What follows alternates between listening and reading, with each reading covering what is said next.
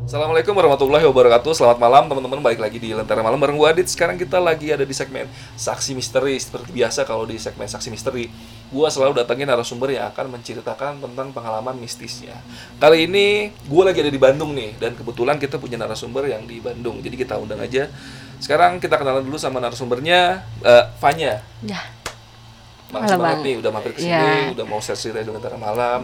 Gue mau invite dulu nih Instagramnya Mbak Fanya apa nih? Fanya Gunawan. Fanya Gunawan nanti mampir-mampir aja ke IG-nya Ya. Mbak Fanya dan sekarang Mbak Fanya mau cerita tentang pengalaman mistisnya yang mana nih? Kisi-kisi sedikit aja.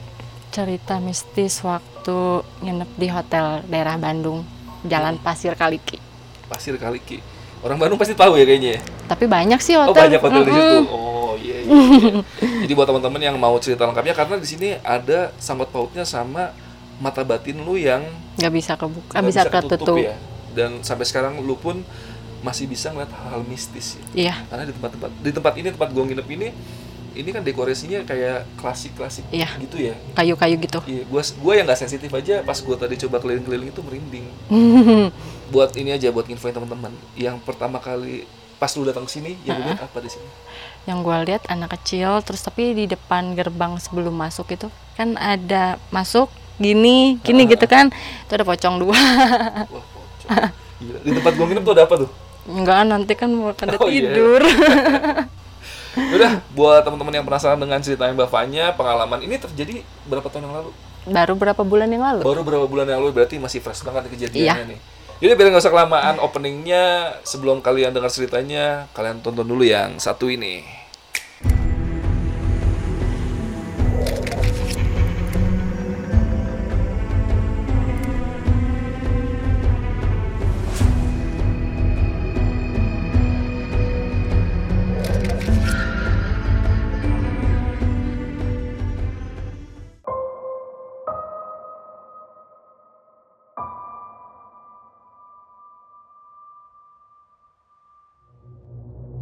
Aku mau ceritain pengalaman pribadi aku. Jadi waktu itu aku kerja lembur. Waktu itu masih kerja sih. Kerja kebetulan lembur sama teman aku berdua. Namanya Teh Anza. Aku izin ke nyokapnya itu mau nginep di kosannya Teh Anza ceritanya. Cuma kebetulan kita lembur sampai jam 2-an, jam 2 pagi. Kita nggak bisa ke kosannya karena si gerbangnya udah ditutup, udah dikunci sama ibu kosnya. Akhirnya kita inisiatif buat nginep aja lah di hotel on the spot lah kita check innya jadi nggak lewat aplikasi. Habis itu lihat tuh mobil banyak. Karena itu malam minggu. Kebetulan itu malam minggu. Mobil banyak tapi pas nyampe lobby itu kosong. Tapi yang aku pikir sih kalau misalnya di hotel jam segitu udah pada tidur ya. Ya udah nggak diambil pusing. Yang aku lihat yang aku lihat nggak tahu ya temen aku lihat apa enggak. Tapi yang aku lihat si resepsionisnya itu kalau nggak salah cowok. Cowok tapi dia diem terus karena aku nggak transaksi mungkin ya temen aku yang transaksi. Diem terus dia terus ngasihin kunci ngasihin kunci. Aku masih ingat lantai tiga tapi nggak tahu nomornya nomor berapa.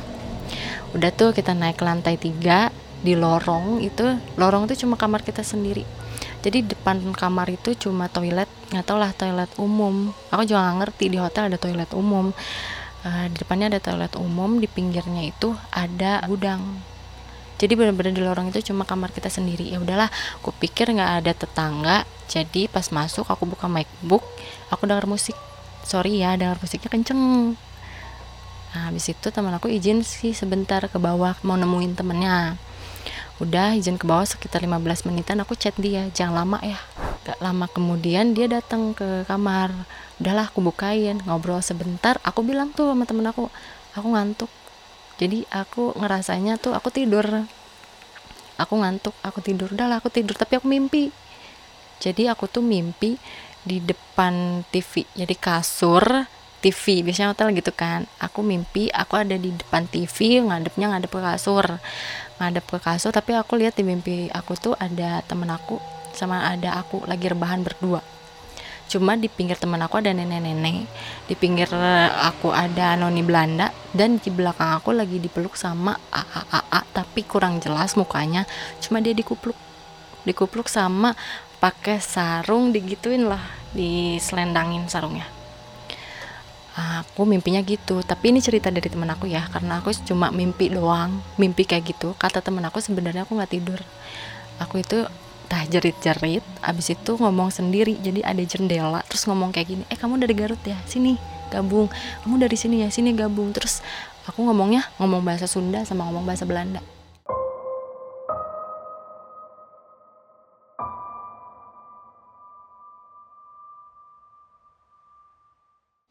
Terus ditanya tuh nggak dijawab jadi seakan-akan aku itu punya dunia sendiri dan nggak ngelihat temen aku kayak gitu. Terus temen aku mantau kan takut aku kenapa kenapa mantau di satu kejadian ada aku ke toilet tapi bawa bedak sama bawa lipstick.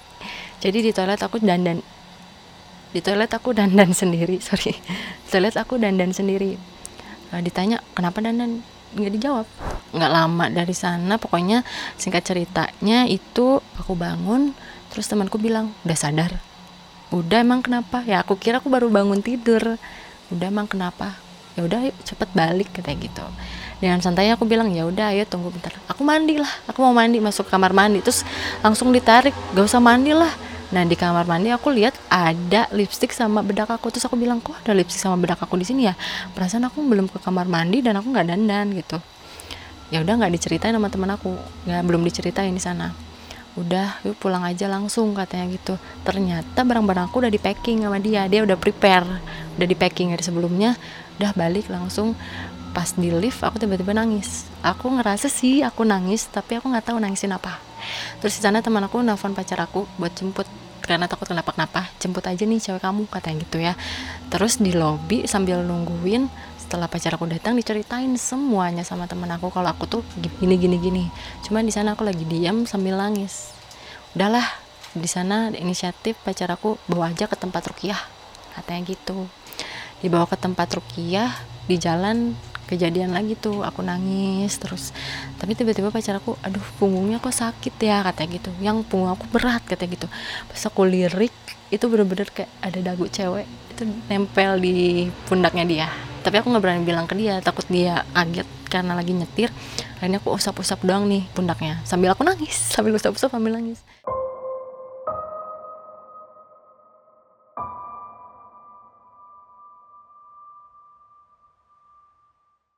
Terus uh, dia mual mual-mual muntah-muntah dibukain kacanya gitu semua pokoknya paling uh, epic tuh muntah di pinggir RS ada rumah sakit Al Islam di pinggirnya ada jalan karena harus masuk sana kan uh, jadi tempat rukiahnya dekat rumah aku.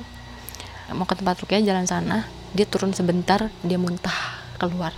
Aku nggak lihat muntah apa tapi yang dia bilang muntah lendir lendirnya bening. Itu perjalanan mau ke tempat rukiah. Pas di tempat rukiah udah tuh satu ruangan kecil didoain awalnya didoain sama satu orang ibu-ibu. Biasa aja cuma lama-lama katanya ini diceritain sama pacar aku karena aku nggak sadar. Katanya aku jerit-jerit sampai dipegangin sama tiga orang. Tangan kanan tangan kiri pacar aku megangin kaki. Jerit-jerit sampai muntah tiga kresek. Dan pacar aku bilangnya kayak gini pas ngejerit itu tuh bener-bener kayak pacar aku kan orangnya sebelumnya nggak nggak nggak percaya hal mistis ya. Dia percaya semenjak kejadian itu. Jadi di ruangan itu tuh kayak gempa semua meja sama semua ada kursi sama meja juga itu getar. Sama lampunya itu redup-redup. Itu kejadian. Terus habis itu pacar aku kelepas gitu kan tangannya. Karena mungkin capek juga kali ya lepas karena aku ngerasanya aku sadar nggak sadar sadar nggak sadar. Pas aku sadar ngelihat kadang ngelihat pacarku lagi nangis lagi gitu lagi nangis. Terus setelah itu pas dia lepas kaki aku tuh naik ke apa ya dinding gini. Jadi pala di bawah kaki gini naik ke dinding itu sampai semua orang ngejerit karena nggak ada manusia yang bisa kayak gitu. Terus ditarik lagi masih didoain belum sembuh. Tapi udah maksudnya sadar nggak sadar belum sembuh. Masih diem masih lemes dibawalah ke rumah. Tapi pacar aku bingung harus cerita apa ya ke mamaku gitu kan. Dibawa ke rumah pelan-pelan cerita ke mama mama percaya kan diceritain sama pacarku. Abis itu pacarku nelpon temennya ada nggak nih orang yang bisa nyembuhin? katanya gitu. Uh, oh iya ada. Tunggu sebentar. Itu udah malam. Malam lah ya udah malam. Datanglah ke rumah dua orang cowok. Dua orang cowok. Ini aku diceritain sama pacar aku sama mamaku ya. Aku karena aku sadar nggak sadar pas dua orang cowok itu lihat dia megang nggak megang kepala. Jadi kepala cuma gini doang. Ini si teteh orangnya bisa lihat ya katanya gitu. Terus kata mama iya bisa ada gitu. Oh iya pantesan katanya gitu. Habis itu mama bilang bisa disembuhin nggak? Maksudnya ditutup. Terus kata orang itu bilang nggak bisa nggak bisa ditutup soalnya udah jebol. Jadi mau sampai kapan pun diobatin nggak bisa udah jebol. Mata batinnya udah jebol nggak bisa ditutup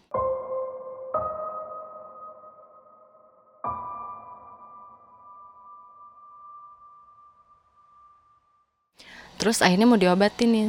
Ditanya tadi ke tempat apa sebelum saya datang? katanya gitu. Terus pacarku bilang tadi ke tempat Rukiah katanya gitu. Salah dia bukan kesurupan tapi dia kerasukan. Jadi beda kesurupan sama kerasukan itu beda. Jadi kalau kerasukan itu sukmanya keluar diajak main. Jadi sukma aku tuh keluar diajak main. Ini si tete ini ada di bawah pohon. Inget-inget deh e, pernah nggak ke di jalan sepi katanya? Di sana ada pohon gede katanya gitu ternyata pacar aku inget sebelum aku nginep di hotel itu malamnya tuh pernah nganterin dia ke Polres Bandung Jalan Jawa. Kalau orang Bandung tahu sih jalan itu sepi banget sama angker karena banyak pohon-pohon gede. Jadi aku ditinggal di mobil di sana sendirian. Pacar aku keluar ketemu temennya di kantor polisi. Nah katanya disimpan di sana sukmanya diajak main di sana. Mau diambil nih ceritanya mau diambil sukmanya buat balik lagi tapi ada yang ngalangin depan rumah nenek-nenek nenek-nenek yang ada di hotel itu. Nenek-nenek ya udah dicari. Jadi sukmanya tuh dipindah-pindah. Nggak di sana terus. Kadang dipindah ke mana kadang dipindah ke mana. Jadi si orang itu tuh susah nyarinya. Terus kadang si nenek-nenek itunya juga bisa berubah wujud. Jadi bingung yang mau ngambilnya bingung aja. Ini ini yang ini bukan kayak gitu kan akhirnya sampai aku tenang belum sembuh juga. Belum sembuh hampir semingguan lah. Paling epic terakhir itu dibawa ke Sumedang karena aku kan orang Sumedang asli. Dibawa ke Sumedang ke leluhur ke kiai sama mama. Dibawa ke sana mama sih pengennya biar mata batin aku ditutup. Biar mata batin aku ditutup. Uh, tapi kayak itu bilang nggak bisa jadi kayak udah turun temurun dan kalaupun ditutup tetap nggak bisa. Udah jebol katanya gitu. Akhirnya diceritain nih sama kakek itu iya dia tuh sebelumnya pernah mimpi. Neng pernah ngerasain mimpi nggak? Bilangnya gitu. Aku kan sadar nggak sadar tapi kayak orang blow on gimana sih? Kayak orang diem aja nggak pernah komunikasi. Tapi kalau diajak ngobrol ditanya jawab. Neng pernah ngerasain mimpi nggak? Pernah aku bilang gitu Neng mimpinya apa kata gitu. Mimpi ketemu nenek-nenek noni Belanda sama a, a, a. aku bilang gitu. Iya Neng kan diajak main ya kata gitu. Iya aku bilang gitu. Ya udah mau pulang kapan kata gitu. Nanti dibalikinnya hari Jumat. Katanya gitu. Dibalikinnya nantilah hari Jumat masih suka katanya gitu. Ternyata yang suka sama aku itu katanya AA yang pakai kupluk. Jadi AA yang kepakai kupluk itu tuh orang Indonesia dulunya mati itu kecelakaan. Tak kecelakaan tak apa aku kurang ngerti sih ya. Tapi dia pernah punya pacar. Pacarnya itu noni Belanda jadi masih keturunan Belanda. Nah katanya pacarnya itu mirip sama aku. Jadi dikiranya aku tuh pacarnya dia. Kebetulan masuk ke rumahnya dia mungkin ya. Makanya waktu itu sempet mimpi dipeluk sama dia dari belakang. Dan gak boleh pulang. Pulangnya nanti aja hari Jumat. Katanya gitu sampai sekarang sih pulang dari Sumedang itu masih lemas masih trauma ya.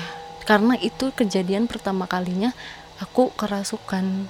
Karena aku nggak pernah kerasukan meskipun aku bisa lihat atau bisa komunikasi tapi bukan dengan kerasukan komunikasinya. Oke paling segitu aja sih cerita dari aku. Mohon maaf kalau misalkan ada salah-salah kata. Ya makasih Oke itu tadi cerita dari Mbak Anya. Makasih banget nih Mbak Anya udah share ceritanya di yeah. Tentara Malam. Sama-sama. Udah share cerita buat disimak sama pasukan Tentara Malam.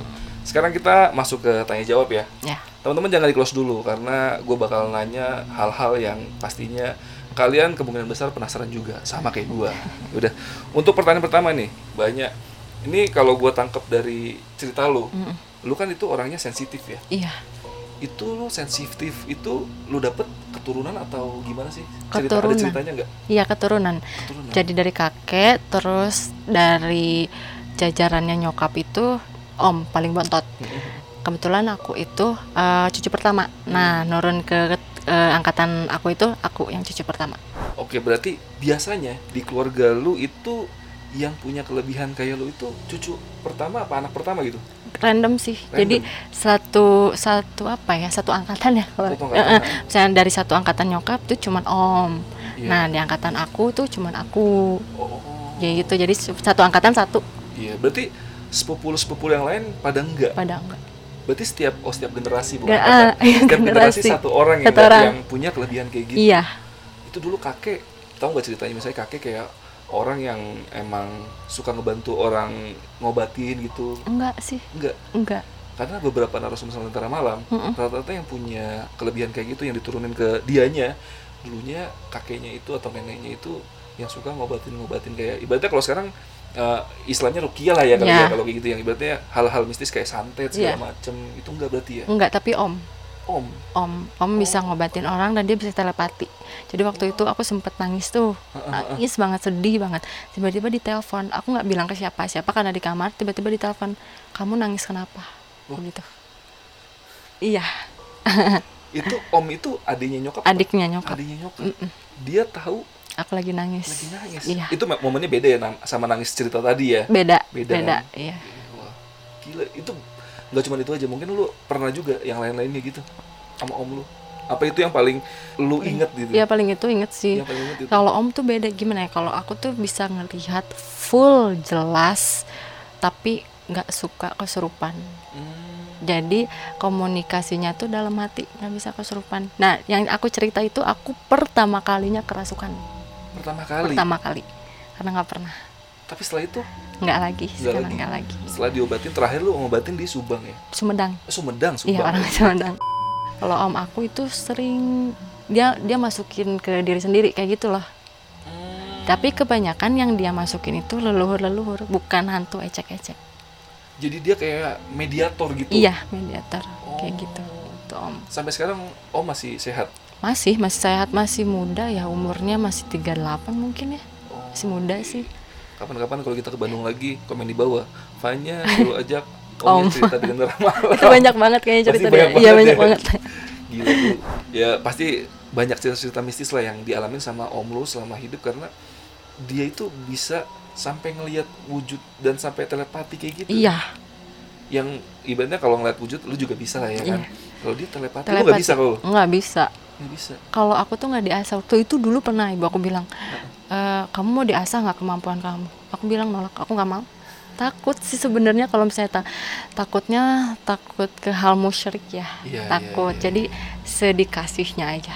Normal-normal gitu. aja lah normal hidupnya. aja iya. Dan pas lagi di Sumedang Mm-mm. itu kan dibilang sama kiai ya? Iya.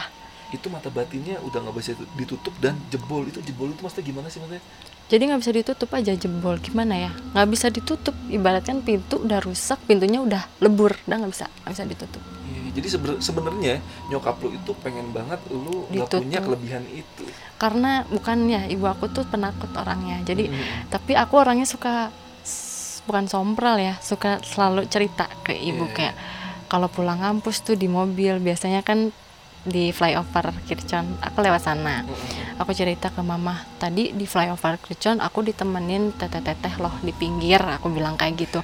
Pakai baju pink celana jeans. Terus itu tuh korban tabrakan di sana. Terus pas udah turunnya dia ngilang. Aku suka cerita pulangnya. Terus kadang bu tadi aku lihat di komplek ini pas aku pulang ada kuntilanak setinggi rumah yang dua tingkat. Aku kayak sepo polos gitu polos cerita ke nyokap. Tapi malah nyokap yang takut gitu. Iya iya iya gue juga gue juga kalau denger begituan deh. Dari cerita ini kan tadi kita udah melenceng mana-mana tentang kelebihan lu itu ya. Kita balik lagi ke cerita. Jadi kan kejadian ini pertama kali lu kesurupan. Dan jawabannya ternyata karena lu disukain sama AAAA yang Pakai kupluk. gambarnya kayak gimana sih? AAA pakai kupluk itu kayak yang biasa orang-orang Sunda mangkabayan gitu bukan Iya, sih? kayak yang orang pakai sarung Su- gitu. uh-uh, pakai sarung dikupluk.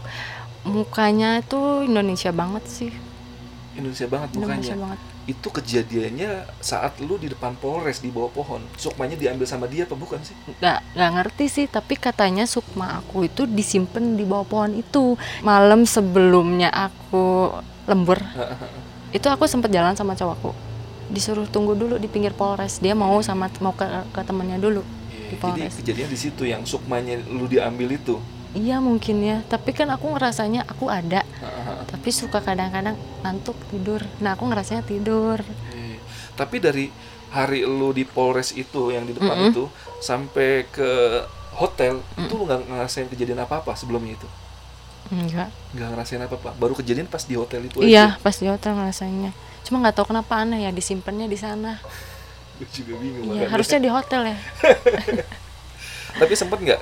Lu kan sempet ngontek beberapa orang pinter juga kan, Mm-mm. dan ada yang ngasih jawaban kalau yang tentang sukma itu ya. Sempet nggak sih lu sama orang-orang itu mampir ke tempat pohon yang di dekat polsek itu gitu?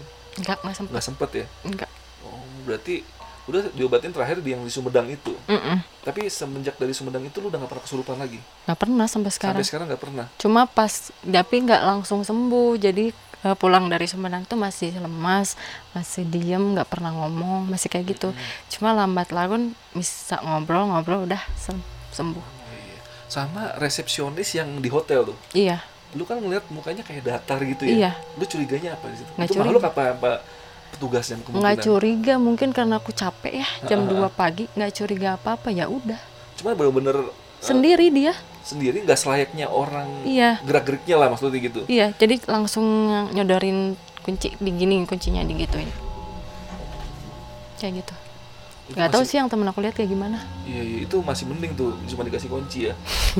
itu seminggu yang lalu gue sempet syuting sama orang yang KKN di Malaysia. Ah, ah. Itu pas di hotel dia ketemu sama resepsionis. Mm-mm. Cuma resepsionisnya normal, cuman kata-katanya ini dibilang karena dia kan nginep di hotel yang agak angker. iya Sama resepsionisnya dibilang gini, Mbak mau nginep di sana nggak takut sama kuntilanak? Pontianak kali ya Pontianak iya Pontianak. iya di orang sana bilangnya Pontianak iya. iya Waduh, gua, anjir gila nih. Maksudnya pegawai hotelnya aja malah ngumbar aib itu kan aib ya, bener kan? Iya. Kayak hal-hal mistis di dalam hotel kan harusnya tutup-tutupin ya. Ini malah resepsionisnya loh yang ngomong ke orang itu. Bahkan takut sama Pontianak. Ternyata Iya. di ceritanya itu bener ada di kamar itu. Dan gue mau nanya juga nih, kan lu tadi nginep di lantai tiga ya?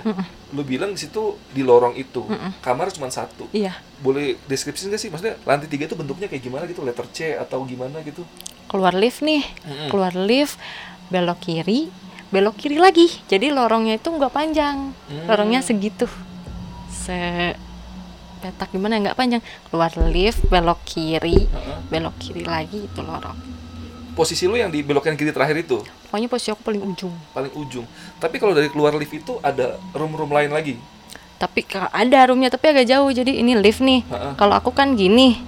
Di sini ada tapi ini aku doang di sini gitu. Iya, dan deket toilet sama gudang. Iya tapi aneh emang ada toiletnya di hotel toilet umum. Nggak tahu juga sih. Tapi itu tulisannya toilet mungkin ini kali disediain sama hotelnya buat yang kamarnya toiletnya rusak kali gitu. di toilet luarnya gitu ya kan Iya, kayak toilet itu. kos-kosan yang 300 ribuan toiletnya di luar terus yang kata lu mimpi Mm-mm. yang mimpi itu berarti yang meluk dari belakang itu AA AA yang dibilang suka sama lu. iya tapi Kalau buat yang noni noni sama teteh teteh itu itu diem di sana di Diem. ini kasur berdiri di sini sama satu lagi berdiri di sini berdiri berdiri ngeliatin lu. ngeliatin temen aku Oh jadi mereka malah ngeliatin ke arah kasur, iya gak ngeliat ke arah lu yang lagi jadi berdiri. eh, jadi ngeliatin ke arah temen aku sama aku aku kan mimpinya aku ngeliat aku sendiri Iya iya. Iya. Itu kayak ini biasa orang kalau ngalamin rep-repan ya. Kalau rep-repan tuh biasanya orang-orang kadang-kadang ada yang ngalamin sampai dia bisa ngelihat Diri badannya sendiri. Hmm. Dan mungkin itu salah satu yang lu alamin rep-repan tapi sambil kesurupan kali double.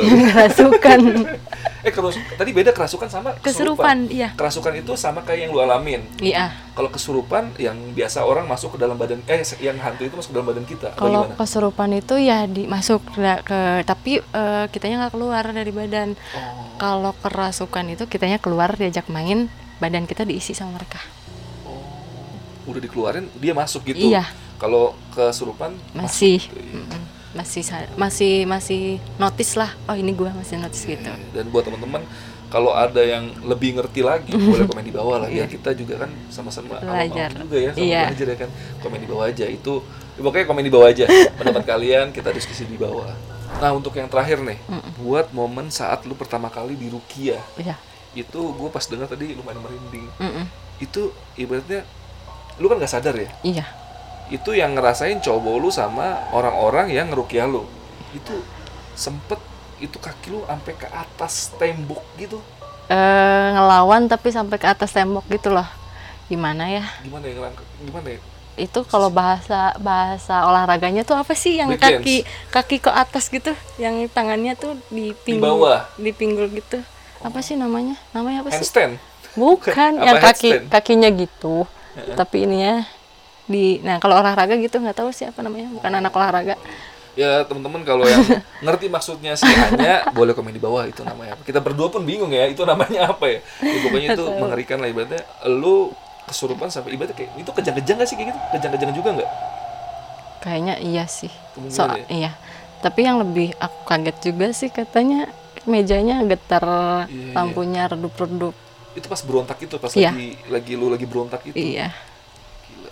Itu apa namanya ya poltergeist ya kalau gitu. Maksudnya Apa? hantu itu juga nggak tahu itu hantu-hantu apa efek dari lu dikeluarin itu jadi getar-getar semua gitu ya kan.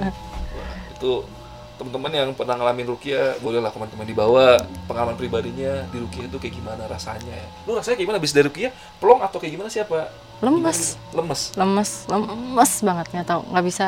Jalan bisa tapi dituntun. Lemes banget pokoknya. Kayak habis olahraga stadion kali ya. Kayak habis lari maraton. Iya iya iya terbang ada yang lewat. Ada yang lewat? Iya. Dan gue mau infoin juga Fanya ini emang kan karena tadi dicerita dia sampai sekarang belum bisa ditutup mata batinnya enggak itu sampai sekarang dia masih bisa ngelihat hal-hal mistis. Tadi aja kita pas lagi sebelum shoot aja dia udah ngeliat yang aneh-aneh ya. orang itu aja ada di lu di belakang kamu tuh lagi duduk di pohon. Gue kalau wah iya ini pohonnya begini bentuknya loh. Iya emang duduk di sana gue jadi merinding aja. Dia tahu kita cerita horor jadi pengen diceritain. Tapi bener nggak kalau misalnya kita cerita horor mereka itu pada datang gitu? Orang ngumpul kok di sini juga? Ngumpul. Iya. Gue selalu tertarik dengan pohon pisang. Pohon pisang ada apa? Pocong. Pocong ya? Iyalah apalagi karena dari beberapa narasumber yang sensitif setiap kali ada pohon pisang di situ pasti dia ngeliatnya pocong Pocong. iya emang Tapi lu, nih lu salah satu narasumber yang sensitif tapi nggak terlalu takut nih ngomongnya. Karena biasanya narasumber gue yang, yang sensitif ngomongnya nggak berani pocong, nggak berani kuntilanak. Kalau nggak poci. K gitu. Maksudnya atau nggak takut udah nggak takut aja lu udah biasa ya udah biasa gitu. udah ya. nggak takut Tapi lu kalau sendirian gitu ke tempat-tempat horor masih sering takut nggak sih gitu? nggak aku sering banget ke tempat horor sendiri kayak ke BMC rumah sakit Oh, apa BMC? iya rumah sakit BMC Emang itu angker? lo angker yang di Bandung rumah sakit BMC Oh, gue belum pernah dengar ceritanya tuh. Iya terus ke gua Belanda ke gua Oh, lu berarti senang-senang eksplor juga. iya tapi sendiri nggak nggak nggak buka YouTube apa nggak bikin YouTube nggak apa nggak karena aku takutnya kalau orang tahu takut dibilang halu makanya nggak pernah Iya bilang-bilang sih. Resikonya kalau yang kayak gitu emang begitu sih. iya Emang kalau mana netizen tuh harus tahan-tahan sih. Yaudah pokoknya makasih buat teman-teman yang udah nonton videonya sampai habis. Makasih juga Anya yang udah search cerita Iya. Lentera malam. Buat teman-teman yang mau mampir dan sapa-sapa Anya eh, masuk aja ke Instagramnya apa namanya? Ge? Instagramnya Fanya Fanya Gunawan Fanya Gunawan. Nanti linknya gua taruh di deskripsi. Yaudah, gue izin pamit. Adit, Fanya, Lentera malam.